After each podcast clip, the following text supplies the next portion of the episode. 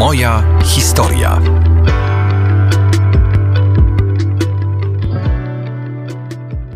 Katarzyna Widera Podsiadło, dobry wieczór, witam Państwa bardzo serdecznie. E, okres poświąteczny, okres noworoczny, myślę, że skłania do tego, by myśleć o przyszłości, e, zastanowić się, podjąć jakieś decyzje. Wiadomo, że zwykle na początku nowego roku mówimy sobie, a w tym roku to zrobię to, zrobię tamto, zmienię w swoim życiu to, już nie wspomnę o wiecznych dietach kobiecych, ale to już e, wątek na inną audycję. Natomiast są takie rzeczy w życiu, które warto by było, byśmy naprawdę bardzo mocno przemyśleli, e, może właśnie w tym czasie, kiedy mamy troszeczkę więcej wolnego i jednak zdecydowanie podjęli się wyzwań, które mogą w naszym życiu bardzo wiele zmienić. Tak jak zmieniają, bo to jeszcze ciągle trwa w życiu moich gości. Są dzisiaj ze mną panowie Kuba Bieńkowski i Jakub Bojdą. E, dobry wieczór panom. Dobry wieczór. Dobry wieczór. Rozmawiać chcę dzisiaj o wyzwaniach. Takich wyzwań podjęli się panowie w swoim życiu, ponieważ problem, z jakim się e, panowie zmagaliście, był na tyle uciążliwy, że e, no, myślę tak sobie, że musiał być na tyle uciążliwy, że warto było coś z nim zrobić. Opowiedzcie panowie troszeczkę o tym problemie, a ja już tutaj nadmienię naszym słuchaczom, że to problem związany z komunikacją. Jeśli mogę rozpocząć o swoim problemie, to ja postanowiłem zmienić swoją mowę w wieku 35 lat. Do tego czasu miałem różnego rodzaju problemy w mowie. Rozpoczęło się kiedyś, jak jeszcze byłem dzieckiem. Rozpoczęło się od małych zacięć. One przeszkadzały mi w życiu codziennym, w najprostszych kontaktach w sklepach, bądź żeby zaczepić obcą osobę na ulicy i się spytać po prostu o drogę. Wtedy pojawiały się lekkie zacięcia. One jakby urosły do takiego stopnia, że pojawiały się jakieś lęki i strach przed mową. W konsekwencji powstawały różnego rodzaju bloki w mowie. Kiedy pojawiały się już bloki w mowie, wtedy już zaczęło być bardzo nieciekawie. W trakcie, kiedy zacząłem już pracować i występowały różnego rodzaju spotkania grupowe, wtedy mi się mówiło najbardziej słabo. Jeśli miałem przemawiać do dwóch osób bądź jakiejś większej ilości w grupie, wtedy mi się mówiło coraz trudniej. I właśnie mowa była dla mnie dużym utrudnieniem, nie tylko w pracy, ale także w rodzinie. Jeśli były jakieś spotkania rodzinne i tak samo była większa ilość ludzi, to mi się bardzo mówiło źle. Przez te jakby nagromadzenie złych nawyków w mowie powstawała tak zwana moja osobista czarna lista wyrazów, które mi się ciężko mówiło. I w trakcie mojego życia ta lista coraz bardziej rosła. Czy pan może podać przykład jakichś takich wyrazów, które były wtedy dla pana e, problemem? Pamięta pan? O, były zupełnie prozaiczne słowa. Jeśli byłem w sytuacji komfortowej, to mogłem powiedzieć każdy wyraz. Ale jak na przykład miałem pójść do sklepu i poprosić o wołowinę, to kiedy stałem przy ladzie i miałem powiedzieć wołowina, Wtedy następowała blokada lub zacięcie. No to trzeba było kurczaki kupować.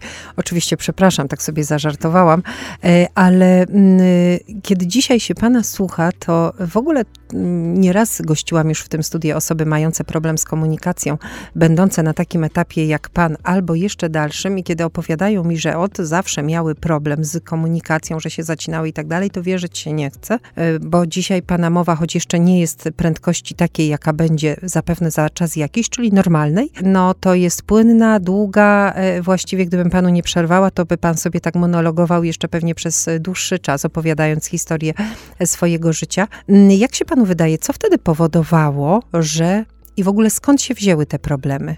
Mm, myślę, że od sytuacji stresujących. Jeśli dochodziło do sytuacji stresujących, wtedy było takie napięcie w organizmie.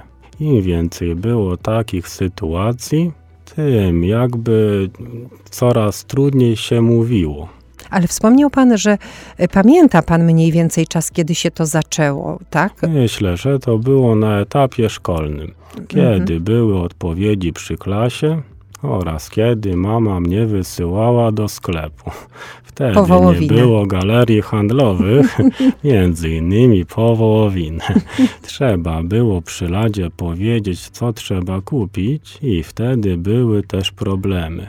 Mhm. Oczywiście zawsze kombinowałem na swój sposób. Prosiłem mamę, żeby napisała wszystko na kartce. Uzasadniałem to w taki sposób, że nie zapamiętam wszystkiego. Mhm. I przy kasie pokazywałem tą listę.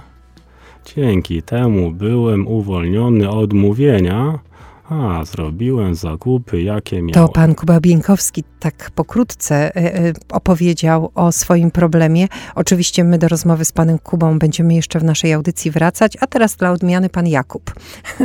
Jakub Bojdą. E, u pana kiedy się wszystko zaczęło? Ja się jąkałem tak długo, jak pamiętam.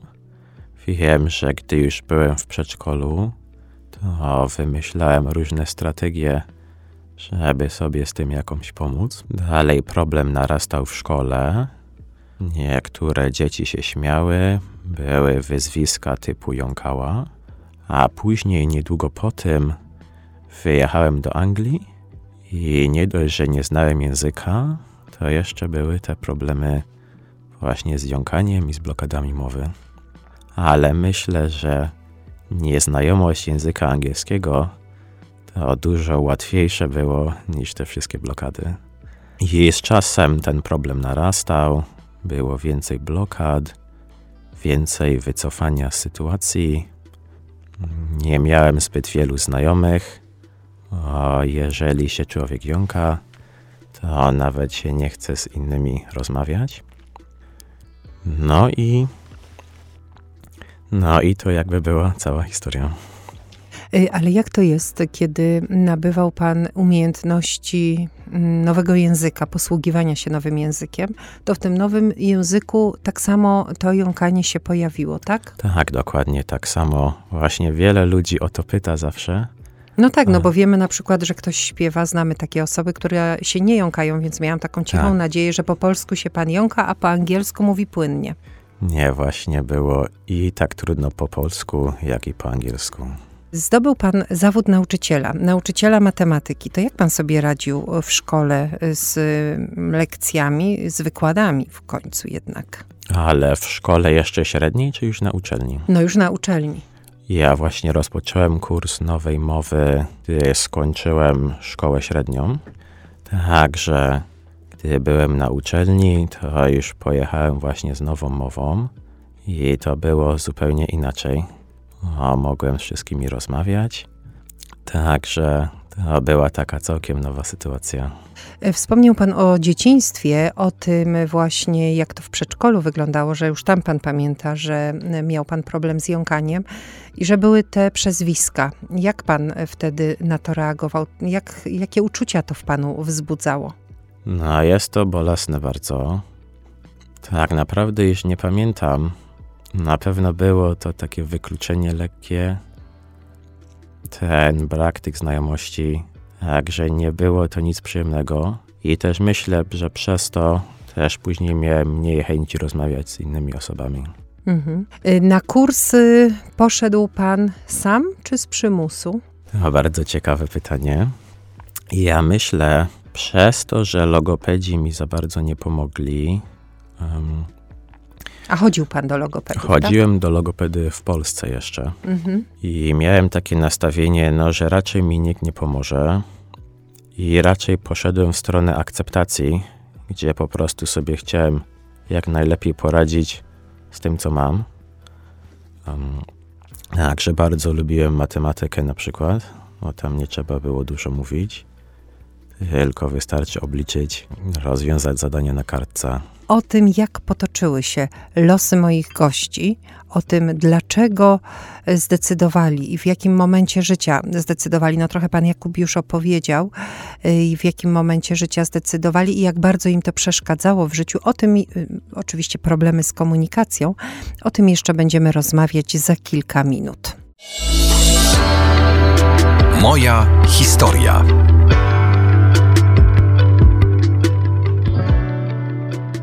Ja myślę, że nikt, kto tego problemu nie przeżył, kto nie miał problemów z komunikacją, e, kto nie jąkał się, kto nie miał blokad mowy, nie zrozumie, czym dla kogoś, kto niestety tym całym bagażem jest obciążony, mogą być owe problemy, jak bardzo mogą utrudniać życie, jaką mogą się traumą odbijać na, na całym życiu. Jak może się człowiek czuć, kiedy widzi, że kolejne podejmowane próby poprawy mowy nie przynoszą efektu. Tak było w panów życiu. Pan Jakub opowiadał o tym, że chodził do logopedy i że czuł, że tutaj nic się nie zmieni. Natomiast pan, panie, panie Kubo. Też można mówić Jakub. Natomiast pan, tutaj zwracam się teraz do pana Kuby Bieńkowskiego, też podejmował próby wcześniejsze poprawy mowy? Mhm. Miałem, jak pamiętam, trzy wizyty u logopedy. Jednak to były wizyty bardzo nieudane. Na nich się skupialiśmy głównie na poprawie wyrazistości mowy, nad pracy nad dykcją. A ja z tym nie miałem nigdy żadnego problemu. Jeszcze o czym muszę powiedzieć, to że to były wizyty w ukryciu przed rodziną. To był zawsze dla mnie bardzo wstydliwy temat, którego nie poruszałem nigdy w rodzinie. Nawet rodzina nie podejrzewała, że mam problem w mowie. Jak to rodzina, nie, a najbliżsi rodzice nie mhm. wiedzieli o tym? Nikt się nie domyślał, że dla mnie to jest takie niekomfortowe mówić. Po prostu używałem dobrego kamuflażu i rodzice czasami widzieli zacięcia, tylko, że używałem dobrego kamuflażu. A co pan e, robił? Jak, na czym ten kamuflaż polegał? Jak na przykład miałem powiedzieć swój trudny wyraz, to mówiłem jakieś zastępcze wyrazy. Używałem bardzo dużo synonimów. Albo jak z tą wołowiną miałem napisane na kartce. Lub na przykład układałem zdania w taki sposób, żeby te trudniejsze wyrazy powiedzieć na końcu, bądź wpleść w taki sposób, kiedy czułem ten moment, kiedy uda mi się ten trudniejszy wyraz wypowiedzieć, wtedy po prostu go rzucałem. Mama mi często zwracała uwagę, że mówię bardzo szybko, ale to było tylko po to, żeby powiedzieć każde zdanie płynnie. Y, no, myślę, że y, chyba nie spodziewalibyśmy się tego, że można się tak dobrze kamuflować przez y, tyle lat, bo pan na początku audycji powiedział o tym, że 35 lat zmagał się pan z tym problemem. W tym wieku postanowił pan z tym coś zrobić, ale zanim jeszcze o tym, co panowie teraz robią, to jeszcze chciałabym wrócić do tego, jak bardzo ów problem przeszkadzał. No bo pan Jakub, nauczyciel matematyki, poszedł już do na kurs w momencie, kiedy miał być nauczycielem, już zaczął nową mowę, więc w pracę wszedł z nową mową, choć bardzo, bardzo wolną. Ale najpierw jeszcze pan, pan Kuba, y, czy y, w pracy to bardzo panu przeszkadzało? Pan jest inżynierem, mhm. pozwolę sobie powiedzieć, kierownikiem robót drogowych. Mhm, tak, dokładnie. Do, do tych interakcji często dochodzi z ludźmi? Mhm. Oczywiście, przez cały dzień. O, osobiście, twarzą w twarz oraz mnóstwo rozmów przez telefon. No i jak było w tym czasie? Jeśli chodzi jeszcze o starą mowę. Tak, oczywiście. Mhm, to były bardzo różne sytuacje. Jeśli miałem zwykłe rozmowy na budowie, emocjonalnie dla mnie mało znaczące, czyli z pracownikami na budowie, wtedy mi się mówiło stosunkowo komfortowo i płynnie. Jednak kiedy dochodziło do różnych zebrań bądź rozmów z przełożonymi, wtedy pojawiały się największe problemy w mowie. Miałem właśnie wspomnianą swoją czarną listę i wtedy mówiłem w taki sposób, że albo nie mówiłem wszystkiego, co chcę, albo mówiłem bardzo nieskładnie. Nie mogłem wyrazić swoich myśli w stu procentach mm, w takiej ilości i jakości, jakiej bym Były chciał. jakieś e, takie delikatne uśmiechy, bo no, dorośli sobie nie będą jak dzieci dokuczać i mówić jąkała, ale czuł pan e, na sobie wzrok politowania? Mm, Myślałem i miałem taką świadomość, że koledzy z pracy wiedzą, że mam problem. Bądź po prostu myśleli, że jestem trochę wycofany, że jakby nie zawsze podejmuję rozmowę, bądź mam mało do powiedzenia. A pan, panie Jakubie? Jak wyglądały na tym już do, bardziej dorosłym etapie życia, to począwszy od szkoły średniej chyba, e, interakcje z kolegami?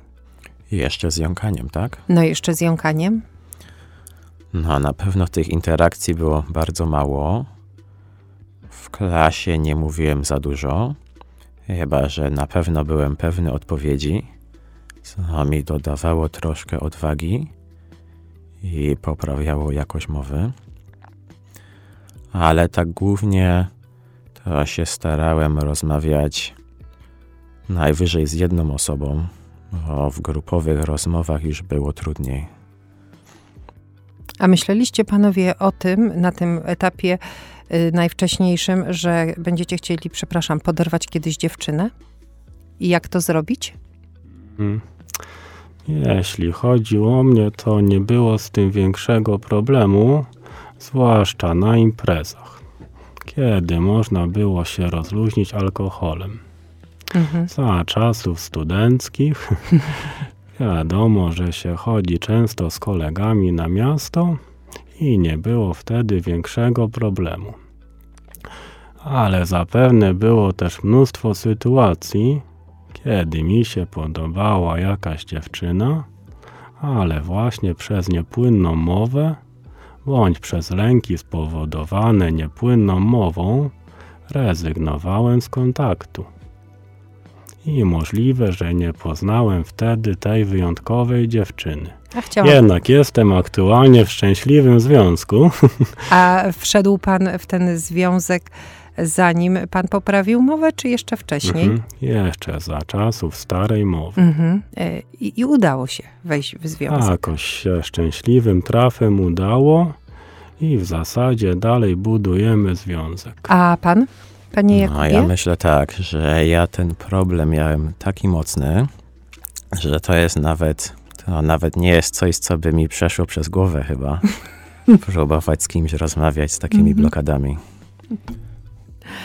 E, Dobrze, a czy kiedy pan zaczął e, kurs e, nowej mowy, czyli tego, co nasi słuchacze teraz słyszą, bo ja taką mam nadzieję, że nasi słuchacze są już tak mocno wyedukowani w nowej mowie, w tym, że mowa jest wyłączona, a potem rozpoczyna się etap na nowo, jakby zdobywania umiejętności mówienia, który jest właśnie taki dużo, dużo wolniejszy. No, nasi goście, którzy tutaj są, już są na etapie bardzo wysokim, dlatego mogłam zaprosić panów do studia, bo inaczej ta historia byłaby dopiero w jednej trzeciej, gdybyście mówili ją na początku, na pocz- y, tak jak to wygląda na początku tego kursu, y, kiedy pan zaczynał ten kurs z taką bardzo wolną mową. Był pan już wtedy nauczycielem?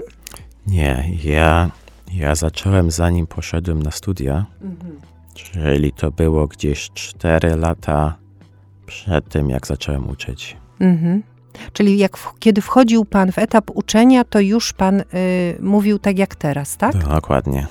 Mm, I nie czuł pan żadnego stresu y, i nie miał pan już problemów z komunikacją?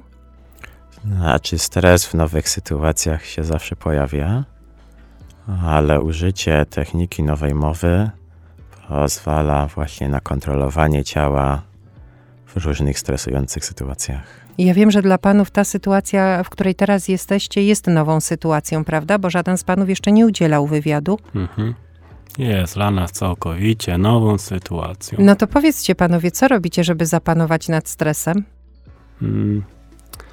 Myślę, że już mamy taką praktykę w nowej mowie Ja nową mowę ćwiczę od 10 miesięcy. Mając taki bagaż doświadczeń pozytywnych, już tyle treningu za sobą, tyle wystąpień publicznych, różnego rodzaju sytuacji w sklepach, bądź na mieście z przechodniami, mnóstwo rozmów i treningu nowej mowy.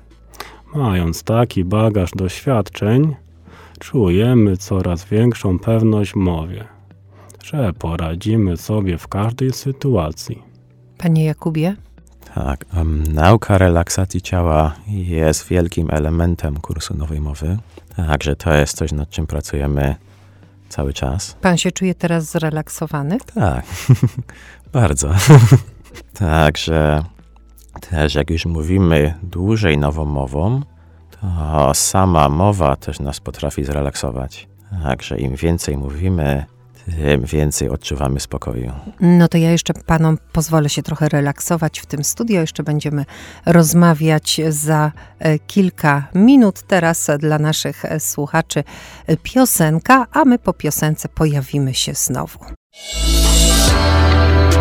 Moja historia.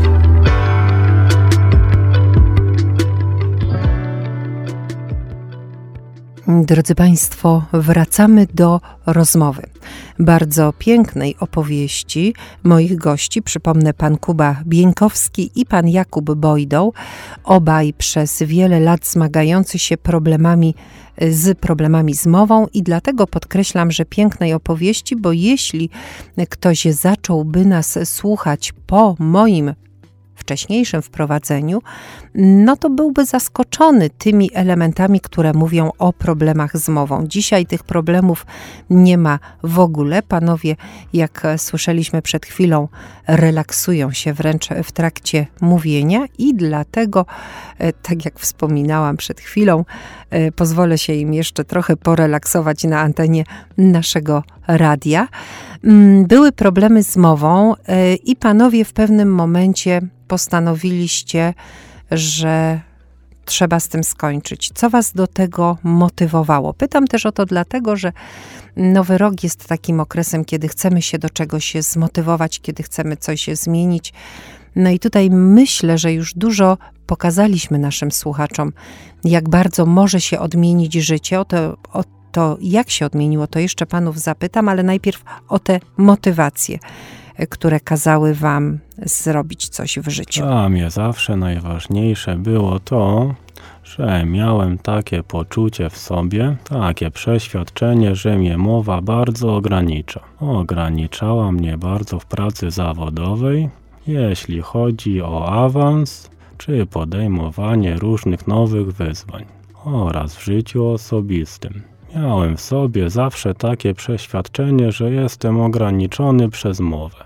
I czułem, że jakbym mógł mówić płynnie, jak inni, którym zawsze bardzo zazdrościliśmy, to możemy jakby zdjąć te kajdany i osiągać wyznaczone cele, a nie tylko cele, które jakby możemy, mając ograniczenie w mowie. I to było moja największa motywacja, oraz oczywiście myślałem o swoim zdrowiu.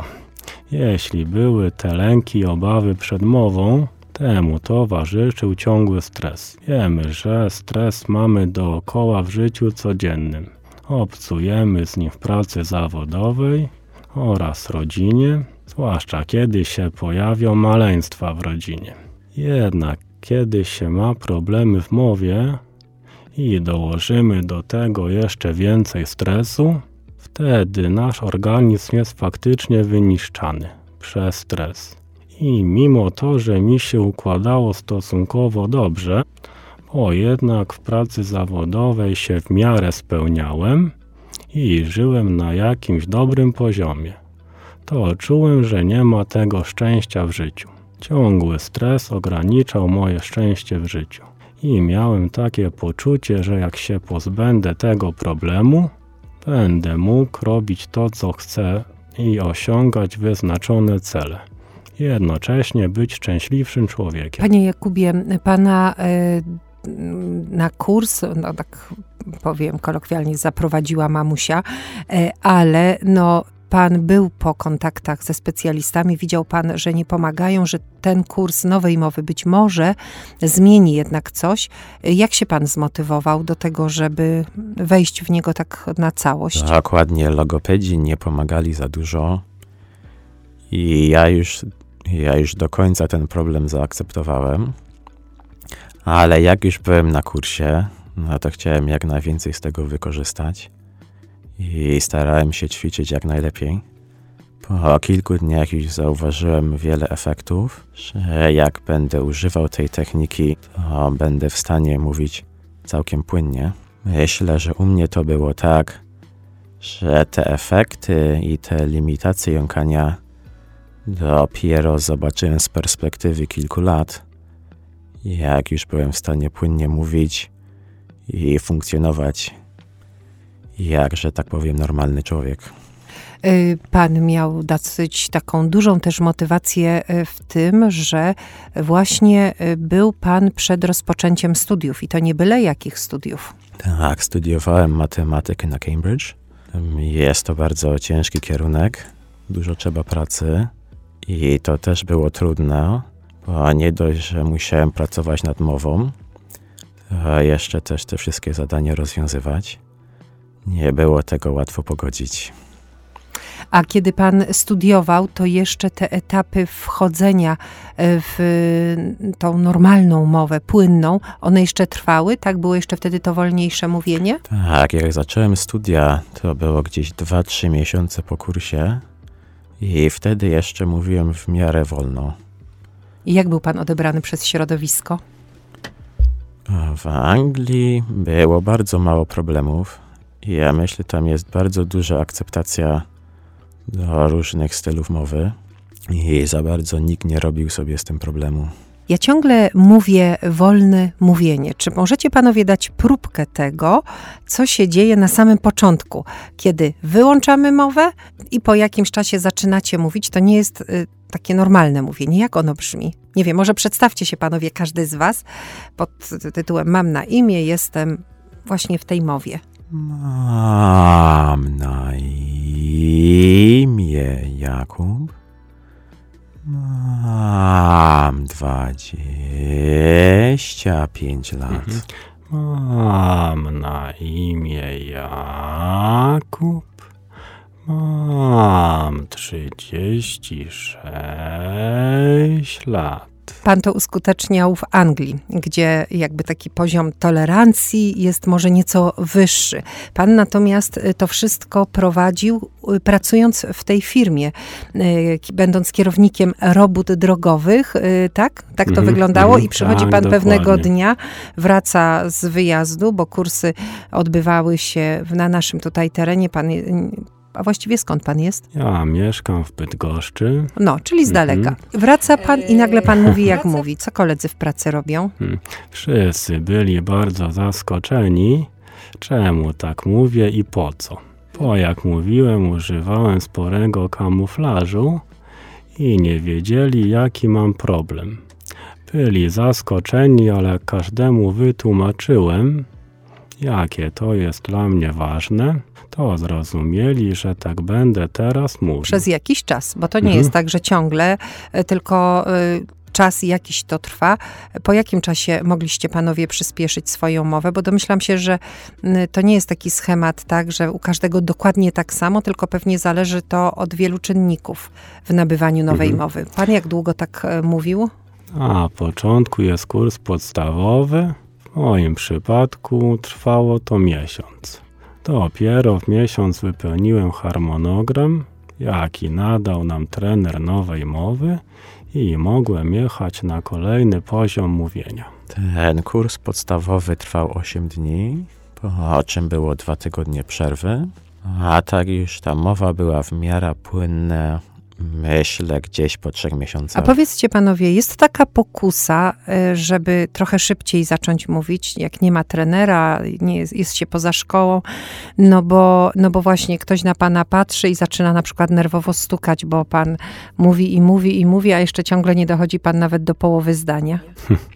U mnie jest taka samodyscyplina, ktoś będzie mnie pośpieszał w mowie, to ja będę i tak trzymał swojego systemu. Wiem, jakie to jest dla mnie ważne i nie ma chyba siły, która może spowodować, żebym zaczął mówić starą mową. Jak bliscy was wspierali? Ja na pewno miałem dużo wsparcia od mamy, ale także od znajomych. Szczególnie w Londynie taka jedna znajoma chodziła ze mną do sklepów. No proszę, jakaś kobieta się jednak pojawiła. Coś, o czym wcześniej, ktoś, o kim wcześniej pan Jakub nie odważyłby się myśleć. Także chodziliśmy do wielu sklepów, tam zadawałem pytania, jednak jest czasami się ciężko zmotywować, szczególnie jak trenowałem w Polsce, a teraz te same umiejętności trzeba było wprowadzić do życia w Anglii. Mhm. Nie, bardzo wspierała rodzina od samego początku. Która wcześniej nie wiedziała o problemie, tak? Która wcześniej nie wiedziała, jaki mam problem. Ale jak już wróciłem z Mikołowa, wytłumaczyłem dokładnie o co chodzi i dlaczego podjąłem się treningu nowej mowy, szybko zrozumieli i mnie mocno wspierali. Moja druga połówka tak samo. No i to jest chyba najważniejsze, czuć to, y, czuć to Moja wsparcie. druga połówka Iza. O, przepraszam, przerwałam, bo myślałam, że pan zakończył. A powiedzcie panowie, kiedy będziecie mówili już zupełnie taką prędkością, która nie będzie zdradzała, że coś gdzieś tam kiedyś było? Ja już jestem teraz na pełnym upłynnieniu. Myślę, że muszę się oswoić z tym systemem i po kilku miesiącach będę mógł wdrażać kolejny poziom, jakby już spontanicznej mowy. Oczywiście mogę mówić znacznie szybciej, jednak taka mowa nie jest teraz potrzebna. No nie, bo o tej porze e, w atmosferze e, świąt jeszcze ciągle, to jak najbardziej możemy sobie wolno porozmawiać. E, A pan, panie Jakubie? No ja myślę tak, ja się czuję bardzo komfortowo z takim tempem mowy. W moim przypadku myśl nie jest limitem jak szybko mówię, tylko jak szybko te myśli się tworzą, a jednak przy latach starej mowy to tak się mało rozmawiało, że nie było wprawy tworzenia myśli. No a poza tym sobie teraz uświadomiłam, że pan jest ścisłowcem, a nie humanistą, e, a u pana jest tyle myśli i tyle mowy, e, jak u humanisty. To e, i tak właściwie nie ma co więcej wymagać, chciałoby się powiedzieć. Że oczywiście tutaj troszeczkę tak sobie pozwalam żartować. Co się zmieniło w waszym życiu? Co wam to, panowie, że mówicie dzisiaj spokojnie, że właściwie swoją mową się cieszycie, y, że nie macie stresu w sobie związanego z mówieniem. Mm, Co wam to dało? Mm, I to dało bardzo dużo. Jak wspomniałem wcześniej, zawsze mi towarzyszył stres i lęk, a jak pokonałem już te swoje wewnętrzne lęki, nabrałem dużo pewności siebie, która kiedyś była na bardzo niskim poziomie. Teraz nabieram dużo większej pewności siebie. Mam ochotę do podejmowania nowych wyzwań. Jeśli pokonałem takie coś jak ESBS, czyli emocjonalne blokady mowy, to się czuję taki duży power w sobie, że można osiągać dużo większe cele i kolejne. No myślę jest wiele elementów. Na pewno swobodna rozmowa w pracy i z uczniami i z nauczycielami. Jest to coś naprawdę pięknego. Daje mi tu dużo satysfakcji, że mogę z tyloma osobami rozmawiać, co kiedyś by nie było możliwe, ale też spotykanie ze znajomymi, czy po prostu takie bardziej samodzielne życie. Tego by bez nowej mowy nie było. Jako nauczyciel matematyki jest pan lubiany? Mam nadzieję. I mając jeszcze nową mowę, osiągnęliśmy duży spokój w życiu. To, czego nam wcześniej brakowało. Teraz możemy spokojnie myśleć o przyszłości i o tym, żeby realizować się w życiu. No to ja myślę, że nasi słuchacze, którzy być może chcą jakichś zmian dokonać w życiu, dzięki wizycie moich gości w studio, zostali dostatecznie zmotywowani. To oczywiście przede wszystkim taka motywacja dla tych, którzy być może mają problem z komunikacją, może się zmagają, może ją kamuflują tak świetnie jak e, moi goście, że mm, no, nie warto się narażać na ten stres, warto coś zmienić po to, żeby życie było po prostu piękniejsze, ale nie tylko w sytuacjach, w których mamy problem z mową, również we wszystkich innych, gdzie potrzebne jest troszeczkę wewnętrznej dyscypliny, żeby coś zmienić. Może warto, może właśnie ten nowy rok e, będzie przełomowym, do czego zachęcamy i mam nadzieję, że z moimi gośćmi warto zmieniać. Na pewno. Mhm, oczywiście. Mhm. Pan Kuba Bieńkowski i pan Jakub Bojdą byli dzisiaj moimi gośćmi. Ja bardzo panom serdecznie dziękuję za tę rozmowę. Dziękuję serdecznie. Dziękuję za spotkanie. Państwu dziękuję za uwagę. Do usłyszenia za tydzień o tej samej porze, mówi Katarzyna Widera Podsiadło. Moja historia. Rozmowy Katarzyny Widery Podsiadło w Radio M.